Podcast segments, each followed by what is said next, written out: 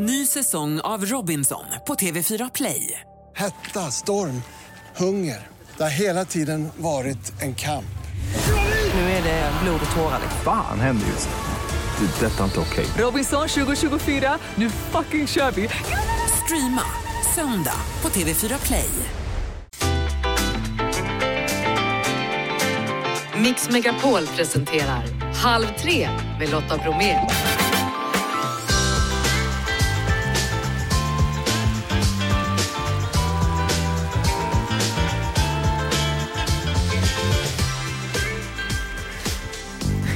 Hallå där, hallå där och varmt välkommen. Och varmt välkommen till dagens Halv tre i tisdagsmixen denna dag. TikTok och IT-säkerhet. Nu kommer allt fler regler kring appar. Vad är det egentligen som gäller? Och apropå nätsäkerhet, Martin Appel tipsar idag om lösenord och hur man har koll på dem. Melanie Webe försöker ta sig till mellofinalen. Denna tisdag så är hon dagens gäst. Vi pratar om svenskt försök att behandla Parkinson. Och dessutom hör ni Hök som kör hund, spann. Och till att börja med Anna Salene om ny Queen Tribute. Eller hyllning då. Nu kör vi! Hörrni, i helgen så är det premiär för Queens, A Tribute to the Music of Queen. En show som alltså hyllar det legendariska bandet med ett helt nytt grepp. Med oss nu är artisten Anna Salin och en av fyra då som ger sig ut på den här turnén. Hallå, välkommen till Halv tre! Hallå, tack så hemskt mycket. Jaha. Hej, det var ett tag sedan. Ja, det var det du. Man undrar vilket nytt grepp är det ni hyllar Queen med?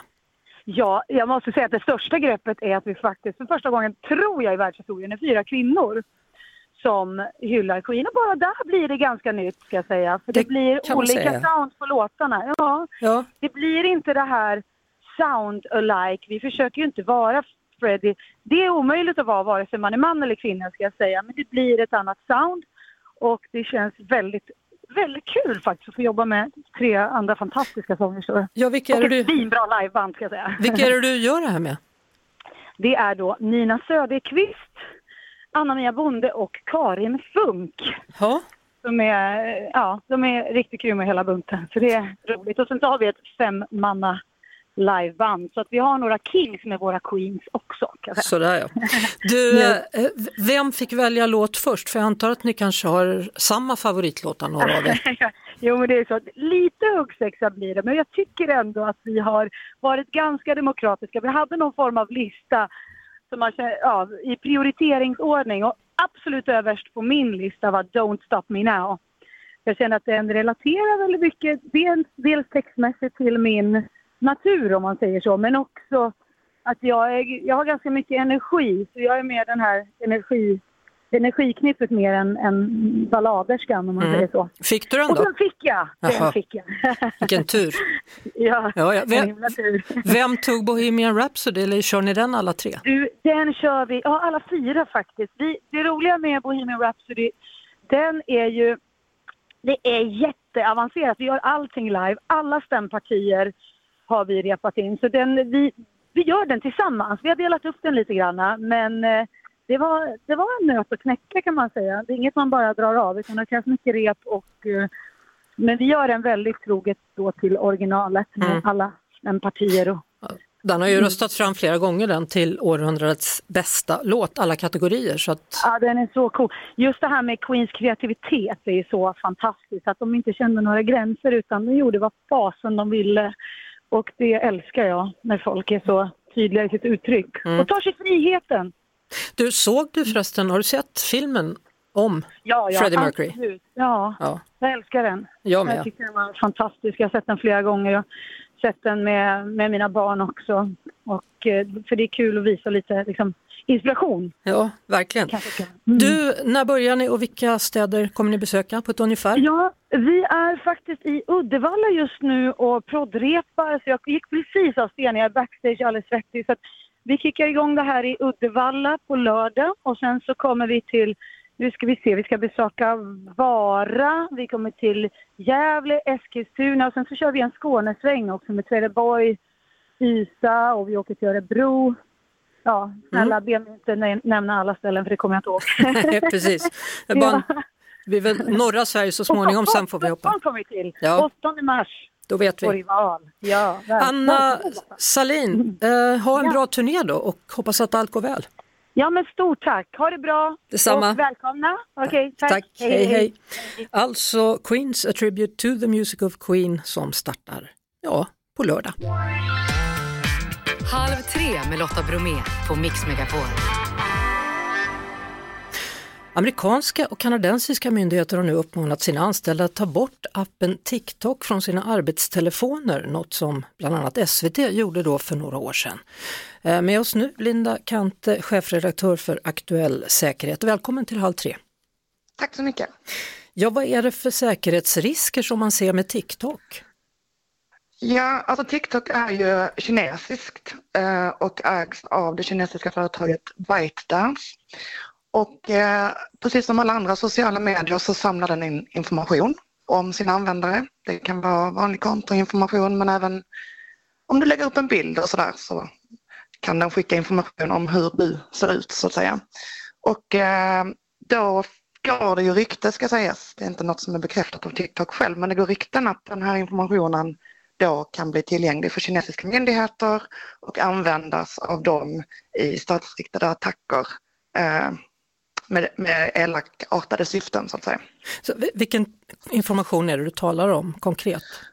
Eh, konkret så är det väl inte sagt vad det är för information eh, mer än att det är mer information då än vad vanliga eller andra sociala medier eh, samlar in. Men det handlar bland annat om den här, sån här ansiktsigenkänning som man då kan använda och manipulera. Eh, men det är också information som kanske kan användas i kommersiella syften, till exempel vad du lyssnar på för musik. Det är en information som är värdefull att kunna sälja vidare till eh, diverse företag som, som säljer den här typen av produkter. Ja. Hur skulle de i så fall komma åt det här? Alltså det enda som är bekräftat eller som är liksom sagt är att kinesiska anställda vid det här ByteDance företaget har erkänt att de kan komma åt användarnas information. Däremot så dementerar de då att det skulle gå vidare till kinesiska myndigheter och eh, staten. Så vad kan man som privatperson tänka på när det gäller appar som till exempel TikTok då? Alltså, nu är ju TikTok en app som eh, framförallt vänder sig till barn.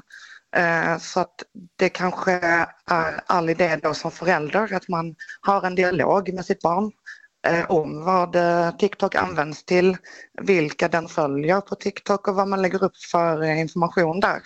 För att eh, ja, ha en, en, en bra cyberhygien så att säga. Eh, Linda, det känns som att IT-attacker mot företag och myndigheter har ökat senaste året. Eh, ja, det har det allra högsta grad gjort. Eh, det ökar för varje år och vi kan också se en stark koppling här förra året med Rysslands eh, invadering och krig som de för mot Ukraina. Att det har ökat i samband med det. Varför utför man IT-attacker? Det är lite olika anledningar, det beror lite på vem det är som utför dem. Men eh, om man då tar en eh, statsstödd IT-attack, det vill säga där staten eh, har gått in och eh, antingen finansierat eller sett till att eh, resurser finns för att utföra en IT-attack, så är det kanske för att sabotera eller för att spionera. Skulle Ryssland till exempel gå in och attackera Ukrainas elnät och stänga ner det så är det ju en jättemaktövertagande så att säga. Mm. Men det finns alltså fristående hackergrupper då, som kanske har lite mer ekonomiska intressen eh, som eh, helt enkelt vill ha cash. Kan man alltid se vem det är som har gjort en attack? Nej, det kan man väl inte alltid. Eh, nu är det ju så att många IT-företag är så pass eh, avancerade så att de har eh, analysverktyg som kan härleda dem till eh, vilken källa som det här kommer ifrån. Men eftersom vi oftast har ett moln emellan eh, där informationen lagras så eh, kan det vara lite svårt att, att veta vem det är som ligger bakom alltid. Va- Hur, vad är det för typ av attacker som gör att ett helt system, liksom, kan, kan man förklara det på ett enkelt sätt? Eh, ja, egentligen så är det väl två det rör sig om då. Antingen är det så kallade DDoS-attacker, alltså överbelastningsattacker där man slår ut hela system eller nätverk. Mm. Och eh, ingenting blir alltså tillgängligt då för de legitima användarna. Sen så kan man även eh, syssla med så kallad ransomware eller utpressningsattacker där man så kallat kidnappar eh, datan som, eh, som eh, det här nätverket eller företaget har eh, och låser det för de användarna som egentligen har tillgång till det för att mot en summa pengar släppa det loss. Mm. Vilka är de mest sårbara enheterna i, i vår vardag och hur kan man skydda sig? Egentligen så är det ju allting som är uppkopplat. Vi har ju uppkopplade datorer, och telefoner och bilar och kylskåp och allting. Så, så länge du har kopplat upp en produkt eller en grej mot nätet så är det sårbart. Men eh, vi är väl ganska dåliga på att skydda det mesta förutom kanske datorerna där vi har blivit itutade sedan barnsben att vi ska ha virusprogram. Tack så mycket för att du fick prata med dig, Linda Kante, chefredaktör alltså på Aktuell Säkerhet. Halv tre med Lotta Bromé på Mix Megapol. Och nu är Melanie Webe i studion. Välkommen hit Melanie! Tack så jättemycket. Och om man nu inte har placerat henne så ska jag placera henne åt dig du som lyssnar. Hon var alltså med i delfinal nummer två och ska tävla i Melodifestivalen på lördag då det är dags för semifinal. Lotta, förlåt om jag rättar dig nu, men jag var med i tvåan som låtskrivare och trean tävlade Så jag var det själv. dessutom, det var, det var bra att du kom på det före. Exakt, Så du har egentligen tävlat dubbelt redan. Det var Ja, det. det blev så i år. Det var jättekul och fint att få backa Victoria också i, i deltävling två. Ja, hon, hon kom inte till finalen där. Nej, hon gjorde ju tyvärr inte det. Eh, men vi hade en otroligt fin eh, nej, men vecka och eller efterfesten och det var värsta releasefesten så att eh, hon var glad så, och det var vi med. Mm, hur- hur kändes det där? Och tänk om det hade blivit så att ni båda hade gått vidare och då skulle du tävlat mot dig själv. Ja men det är lugnt alltså. Det är, alltså ju fler desto bättre. Men, eh, men nu blev det så här i år och jag tror jag är bara så otroligt tacksam att nej, men få göra min debut som artist och, och har fått gått vidare till semifinal. Att bara alla som röstade, alltså man blir ju så varm i kroppen och glad. Du såg ju helt sprittande ut på scen. Ja men jag, är- jag tror så här, jag är rätt så transparent så att eh, man ser på mig vilket mående jag har och jag var väldigt glad. men, men hur många gånger har du stått i kulisserna och körat? Nej, men det är otroligt många gånger. Sen 2014, eh, då gjorde jag min debut i Mello, både som låtskrivare och eh, som körsångare. Och sen så har jag ju nej, men körat bakom ett gäng och skrivit bakom, eller musik till andra också. Så att det har varit fina, fin, otroligt fina minnen. Och nu har du också fått skriva din första rider. Ja, det, Det vill har säga jag. den här lilla lappen med Ja, vad man vill ha i inför sitt omklädningsrum. sommar, ja. Hur, hur har det gått nu då? Ja men vill ni veta nu eller? Ja, nu vill vi Okej, veta. Nej, men så här, jag har typ eh, ölkorv och då är parentes den starkaste ni kan hitta. Ölkorv, Ja, jag vet. Eh, stark sås. stark sås Ja. till ölkorven. Nej, den är faktiskt till för att jag har ju en grej. Jag älskar ju och så är det så här chips och då är det vilken sort som helst och det får, det får vara en överraskning för den som fixar det. Och så har jag skrivit små skålar och eh, naturell yoghurt för att då tar jag skålen, häller i yoghurt, chips, starksås, krossar och så sitter jag Nej, du är inte möjlig nu. Alltså det är jättegott. Nej, men du, du, nu skojar Nej, du. jag skojar inte. Krossar du chipsen? Ja, men så här, i- krossa chipsen och så bara, alltså det är så gott. Och vilken sås ska hällas i där? Starksåsen. Starksås? Ja. Ba- Bara starksås? Vilken stark ja, alltså, alltså tabasco vad ni vill. Och sen äter du den geggamojan. Liksom. Nej men alltså testa det ikväll. Alltså, Nej. Lotta testa det. Nej, nej. Jag känner liksom att min mage, jag tog liksom chili flakes idag på Ja. min lunch. Det, Ja. var lite, det var tillräckligt kände jag. men Men, du, var, var det allt som var på röret? Nej sen har jag så här, men oj, oj, oj. Mhm. proteinshake, eh, ja men typ, eh, men lite så här till musikerna, men de gillar ju bärs liksom så att det ska de få. Skyll på dem då. ja, du, för, för den som lyssnar på radio nu då och inte vet vad en rider är, förklara. Ja men rider är ju liksom, det finns olika typer av rider när man giggar. Vissa är ju till vad man behöver rent så instrumentmässigt och den andra är, men nu när man så här, planen är ju att man ska, kommer ju bli en diva nu. Nej så då är det liksom när man kommer på plats till varje gig så är det ju vad man liksom ska få på plats liksom där i logen. Men, men eh, vad de som fixar behöver veta det är att du kan krossa chipsen själv. Ja, det- de behöver det- inte sitta och blanda det här. Nej, nej. gör och det är så här, om någon hör mig här som kommer fixa min rider, det är helt okej om inte allt finns på plats. Ja, du kan ju ta med dig en, en stark sås själv också. Ja men det är typ det jag tänkte också för att så här, alltså, jag är så tacksam och glad nu för att eh, det har börjat drilla, komma in ett par gig nu och då vet jag att så här, i slutet av sommarturnén så kommer jag ju ha hur mycket starksås som helst. Då är det stark sås. Oj, oj, oj. Alltså ni alla får komma på fest hos mig då. Då kommer vi. Du, nu ska vi lyssna till din vinnarlåt då, för du vann ju faktiskt Mello med en låt för några år sedan. Move heter låten med The Mamas skriven då av bland andra Melanie Weber som är dagens gäst här i Halv tre. Eh, Du berättade under låten att den här var liksom, nu får jag mitt break här. Den Ja, ska gå men- till Eurovision och sen hände något. Ja men så här, alltså 2019 så skrev jag ju Danmarks låt i Eurovision eh, och det var ju ja, total feeling. Sen det är ju någonting annat här i Sverige för att det är som att här, en låt blir ju så stor också här hemma. Eh, och då kommer jag ihåg att jag sa det att jag pustade ut i arenan och kände så här alla år som man har investerat i både tid och pengar att så här, nu, nu kan det släppa lite och sen fyra dagar senare så kom ju pandemin och det gjorde ju att det blev ju inte riktigt så. Nej, det blev aldrig någon final där. Nej, jag blev ju inte Eurovision med, med Sverige och det är ju synd för att det hade varit mäktigt att liksom få uppleva det med sitt egna land. Men du, nu har du fått uppleva att ta saken i egna händer, att själv stå på scen med en av dina låtar. Hur har det varit? Ja men det har varit eh, alltså, otroligt lärorikt. Det känns som att jag ja, men mycket hände förra året i mitt liv och det gjorde att jag också bara vaknade och fick perspektiv av att jag tror jag insåg att så här, andra tänker på sig själva i både typ allt möjligt i livet, i nej men karriär, i relationer, i liv och allt. Och då blev det som att jag fick typ en smäll och bara, nu är det nog dags att jag också gör det. Vad hände förra året? Nej men det var bara, ja, men så här, livet hände. Var det Eh, kärlek som gick åt helskotta eller var det... Ja men eh, typ bland annat. Ja. Nej men det var alltså, ja alltså livet hände olika saker. Jag tror bara att man måste typ se det positiva i allting och jag tror att det, eller det blev otroligt positivt för mig för att jag är ju här idag och gör ju det jag egentligen älskar mest av allt och det är jag otroligt tacksam för. Vem stöttade dig att du skulle sjunga i år?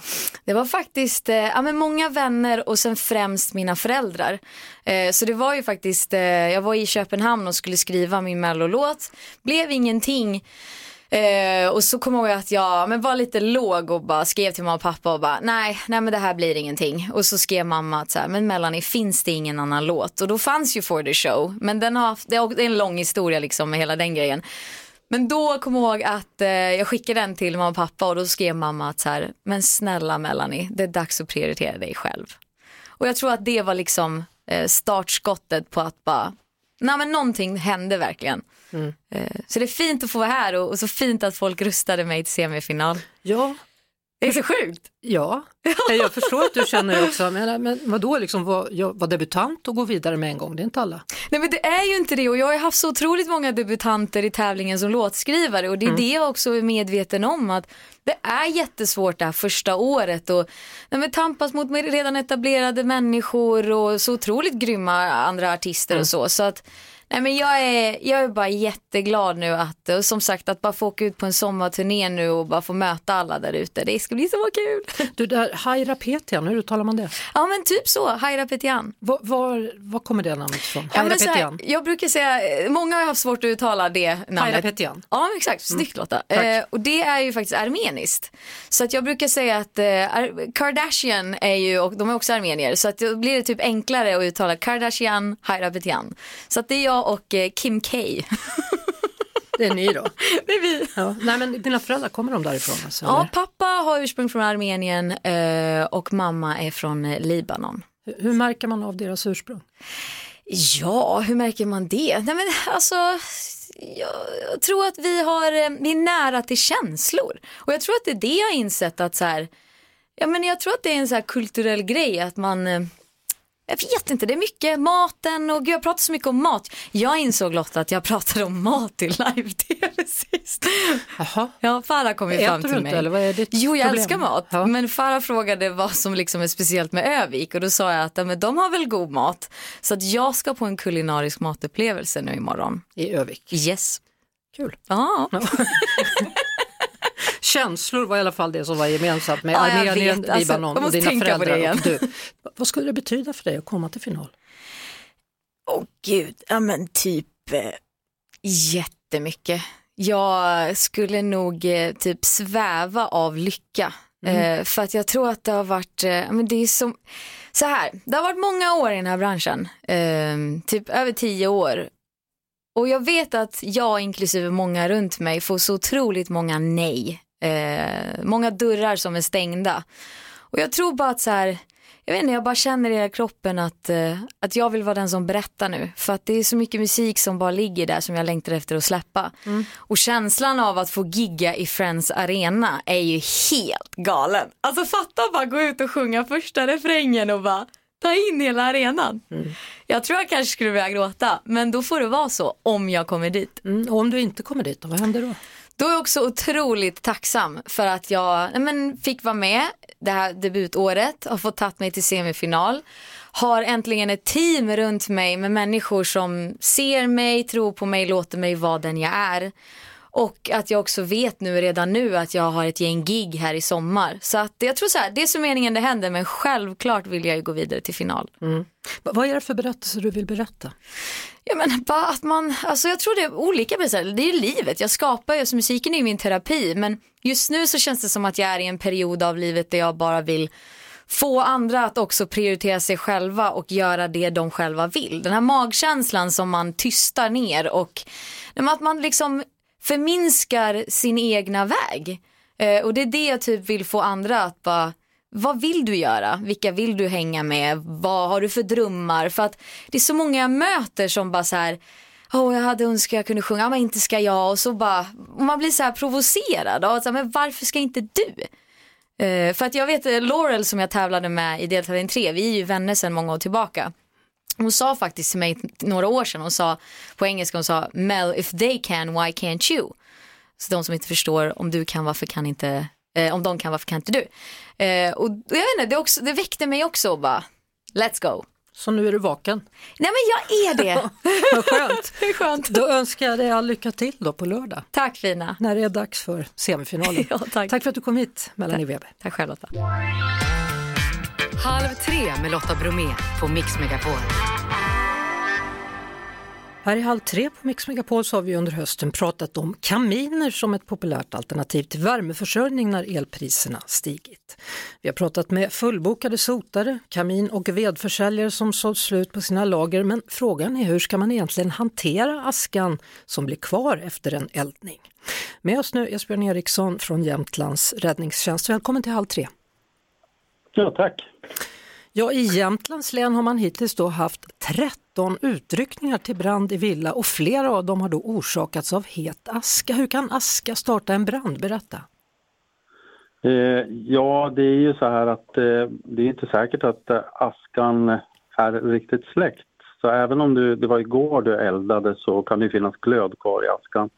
Om du tänkt slänga ut den idag så eh, bör du vara försiktig och lägga i något, eh, något kärl som inte är brännbart material. Hur- länge efteråt kan askan orsaka en brand? Det är jättesvårt att säga och det kan ju bero på hur mycket man eldar, hur stor brasa man har haft. Men, eh, men man bör ju vara försiktig och har man möjlighet att ställa ut det här eh, kärlet då på någonting, någonting som inte heller är brännbart så kan ni få stå där några dagar tycker jag. Mm. Då kan man känna sig trygg sen. När ni har ryckt ut då på olika bränder här, villabränder och så, har, har folk blivit förvånade över att det var så här det gick till när det började brinna? Ja, det är väl både, både av förvåning och sen så kan det vara att man, man visste det nog i bakhuvudet att det var olämpligt det man gjorde. Ska man hälla vatten på askan eller? Ja, men jag tycker ju framför allt att man ska vänta med att slänga den bland andra sopor. Utan man låter den ligga kvar i den här hinken. Om man har en behållare som man kan låta vara bara ute eller på, som kan stå någonstans där det inte kan börja brinna så är det ju väldigt bra. Så avslutningsvis då, Esbjörn Eriksson från Räddningstjänsten Jämtland. Du får tala direkt till våra lyssnare då. Vad säger du? Ja, betrakta askan som att det fortfarande är glöd och så hantera den på det sättet. Tack så mycket för att du var med i Halv tre. Halv tre med Lotta Bromé på Mix Megapol. Forskare vid Lunds universitet har gjort framsteg och nu testar de stamcellsterapi för att behandla Parkinsons. Professor Malin Parmar som leder forskargruppen, varmt välkommen till Halv tre. Tack så mycket. Ja, vad är egentligen stamcellsterapi? Ja, stamcellsterapi är ju en cellterapi som baseras på stamceller Så att stamceller är celler som delar sig och bildar eh, både fler celler av samma sort men också kan bilda alla celltyper i kroppen. Och dessa använder vi då för att göra en så kallad cellersättningsterapi där vi eh, transplanterar in celler i hjärnan för att ersätta de som har gått förlorade i, i en sjukdom. Hur, hur får man stamcellerna att utvecklas till det man vill då? Mm, det har ju varit ett tio år långt arbete i att förstå hur man går styrcellerna från en stamcell till en eh, mogen dopamincell. Och det är väldigt mycket att titta på hur bildas de här cellerna normalt under utvecklingen och hur kan vi styra dem mot just det vi vill i cellkultur. Nu nämnde jag ju Parkinsons sjukdom här. Är det primärt där man tror att man kan hjälpa med stamceller eller finns det andra områden? Andra sjukdomar? Stamcellsterapi utvecklas för många olika sjukdomar både i hjärnan och i andra delar av kroppen. Så att I kliniska försök ser man till exempel stamcellsterapi mot sjukdomar i ögat eller diabetes till exempel. Och reumatism, eh, kan det också hjälpa där? Ja, det är inte riktigt samma typ av terapi utan vad jag jobbar med är cellersättningsterapi där vi går in för att sätta in nya celler som tar över funktionen av skadade celler. Mm. Andra typer av sjukdomar finns en annan typ av stamcellsterapi där stamcellerna till exempel producerar faktorer för att eh, minska inflammation som så skulle vara aktuellt eh, vid reumatism. Eller det finns ju också eh, många cancerbehandlingar eh, idag mm. eh, som eh, cancerimmunterapier som också baseras på stamceller. Men just den typen jag jobbar med eh, går just ut på att ersätta celler i kroppen. I hjärnan, sa du det? Ja. Så, så nu, just nu då så har ni utfört det här då på en eller flera personer som går omkring då med nya celler i hjärnan? Mm, så vi har precis inlett den första kliniska studien och transplanterat den första patienten i hjärnan. Eh, och planen är då att vi ska göra åtta eh, patienter i den här första studien. Ja, hur verkar det hittills då, även om det bara gått en vecka? Mm, det har gått två veckor sedan transplantationen eh, och de här cellerna mognar väldigt, väldigt långsamt. Så att vi förväntar oss ingen effekt på minst ett halvår och sen eh, kommer cellerna förhoppningsvis att mogna ut och med tiden eh, producera dopamin som är det som fattas i patientens hjärna. Så att eh, mellan sex månader och två år. Men betyder det att man också skulle kunna bota beroendesjukdomar då om det producerar dopamin? Mm, eh, dopamin är involverad i olika eh, typer av system och ehm, eh, signalvägar i hjärnan. Och just de celler vi ersätter, de som går förlorade vid Parkinsons sjukdom. Ehm, och vi transporterar också in dem i det området i hjärnan där de är aktiva just för att kontrollera våra rörelser. Mm. Men du, vilken grej det här låter som, hörru. Mm, det är superspännande. Ja, när tror du att ni kommer vara klara? När vet ni hur resultatet har blivit? Ja, det här är då en säkerhetsstudie och resultatet eh, är ett år efter de sista eh, patienterna är transplanterad. Men sen tittar vi givetvis också på effekt och vi planerar att följa de här eh, patienterna under lång tid. Då önskar vi att allt går väl med denna stamcellsterapi. Malin Parmar, professor och forskningsledare vid Lunds universitet. Tack så mycket. Tekniktipset. Det är tisdag och det betyder att det är dags för Teknik med Martin Appel, konsumentredaktör för PC för alla. Välkommen! Tack så mycket! Hörru du, det finns ju mycket i datorvärlden då som man kan tycka är jobbigt och en av de värsta sakerna, i alla fall för mig, det är våra lösenord. Hualigen! Och jag vet att man inte ska ha samma på varenda plats, men hur ska man ha ordning på allting i skallen? Hjälp! Då skulle jag säga att om din skalle är som min skalle, alltså att det liksom inte riktigt får plats, då kan man faktiskt ta hjälp av någonting som kallas för en lösenordshanterare. Det är en tjänst som kommer ihåg lösenorden åt dig. Så istället för att du ska behöva ha hundra lösenord i huvudet så måste du bara ha ett lösenord i huvudet, alltså lösenordet till den här lösenordshanterartjänsten. Jag ska säga varför jag blir orolig för det där. För den brukar ju fråga så här, ska jag behålla ditt lösenord här? Och då blir jag jättenojig att någon annan helt plötsligt kommer in och så loggar in sig med mitt lösenord som råkar finnas där av någon anledning. Det finns egentligen två olika lösningar. Dels finns det någonting som är inbyggt i webbläsaren, i Chrome och i Edge, våra webbläsare. Då kan man välja att spara lösenorden i webbläsaren. Det är jättesmidigt, jätteenkelt och jättegratis. Men en del säkerhetsexperter säger att det är lite låg säkerhet. Så det är därför som många väljer sådana här lösenordshanterare istället. Så hur ska man prioritera då? För att det kanske är mindre viktigt och extra viktigt på vissa ställen att ha ett starkt lösen. Det där tror jag är en av de viktiga poängerna. Sajter som hanterar pengar, din egen mail, då är det ju superviktigt att du har ett bra och ett säkert lösenord. Men sen finns det ju väldigt många andra tjänster. Man kanske har en krukväxtsajt som man följer eller, eller matrecept eller något sånt där som det egentligen inte gör någonting om någon kommer in på mitt konto. Då är det ju ett mindre problem om man har samma lösenord på de här mindre viktiga tjänsterna så att man gör den här prioriteringen. Och du menar då att det viktigaste är att skydda mejlen? Absolut viktigast, därför att nästan alla tjänster som du har registrerat dig på, om du är som jag, att du glömmer bort det ibland, då kan ju du fylla i din mejladress och säga jag vill återställa mitt lösenord eller jag vill ha ett nytt lösenord. Om då din mejl är oskyddad, då spelar det ju ingen roll hur säker du är någon annanstans, för då kan du ju få in alla dina lösenord i mejlen. Så mejlen är jätteviktig och också förstås när du glömmer ditt lösenord att du faktiskt har sett till att du har en korrekt mejladress så att du inte har fyllt i den här återställningsadressen för tio år sedan då du hade någon annan mejladress. Jag har ju en liten extra app då som har blivit installerad som heter Authenticator. Och det där är tvåstegsverifiering eller tvåstegsautentisering. När du loggar in på en tjänst i datorn så räcker det inte med ditt lösenord. Du måste även gå in och bekräfta det här i mobiltelefonen. Och det kan man göra som du säger med den här appen som du har eller också kan man få ett sms.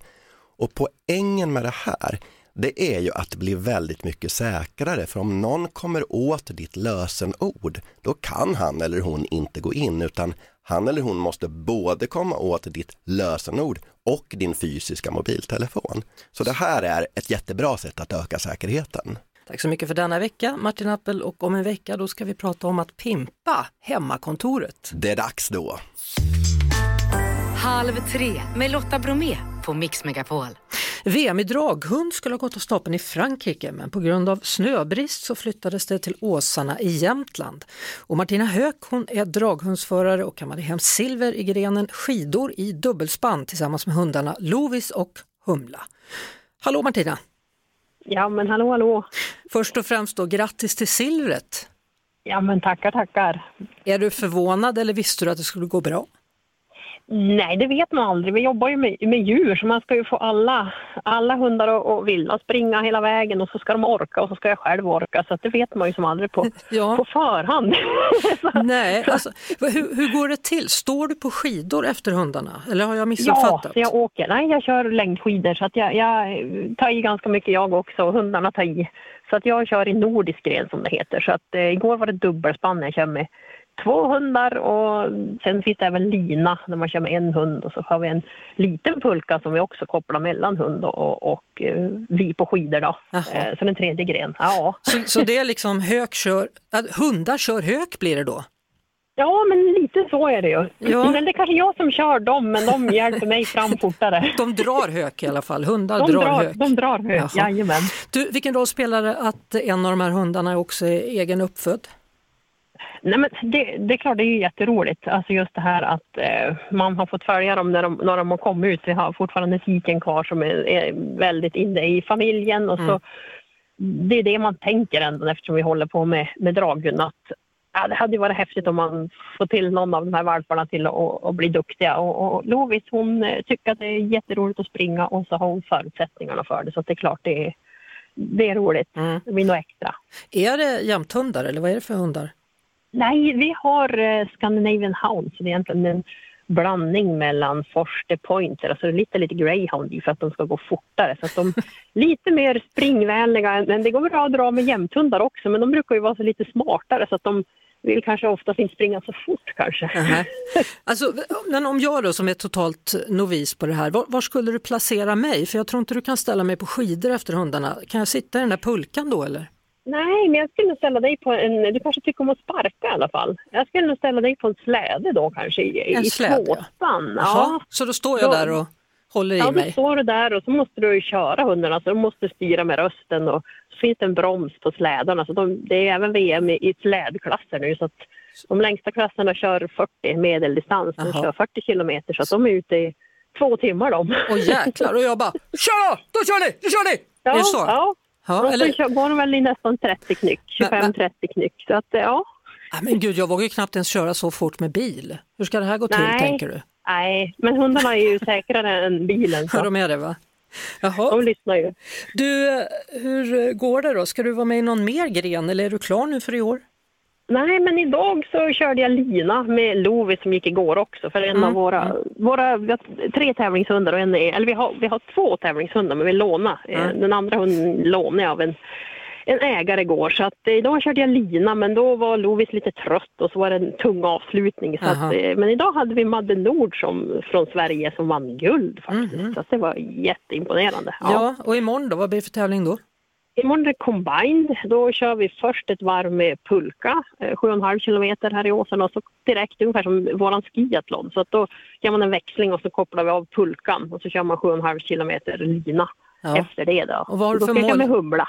Ja, vad har du för målsättning men för det- dig att humla? Det, det, ja, men det är ju lite där också som, det kan hända mycket som i skiathlon. Man kan tappa pulkan eller det- man kan krocka med någon eller så. Så att, nej, men, ja, men helst skulle man ju vilja ha någon medalj om det, om det vill sig väl och allting går, går bra som det gjorde igår. Det är ju ändå dit man vill på något sätt. Det är klart du vill. Vi håller Ja. på dig. Vi håller på Ja, dig imorgon. tack så mycket. Ja. Tack så mycket. Stort tack för att du var med Martina Höök och lycka Ja, till imorgon som sagt. Ja, Ja, hälsa tack, Lovis och Humla. Det ska jag göra. Hej hej! gott. Vi är tillbaka imorgon igen, då är det Jill Johnson som är dagens gäst. Ett poddtips från Podplay. I fallen jag aldrig glömmer djupdyker Hasse Aro i arbetet bakom några av Sveriges mest uppseendeväckande brottsutredningar. Går vi in med hemlig telefonavlyssning och, och då upplever vi att vi får en total förändring av hans beteende. Vad är det som händer nu? Vem är det som läcker? Och så säger han att jag är kriminell, jag har varit kriminell i hela mitt liv men att mörda ett barn, där går min gräns. Nya säsongen av Fallen jag aldrig glömmer på Podplay.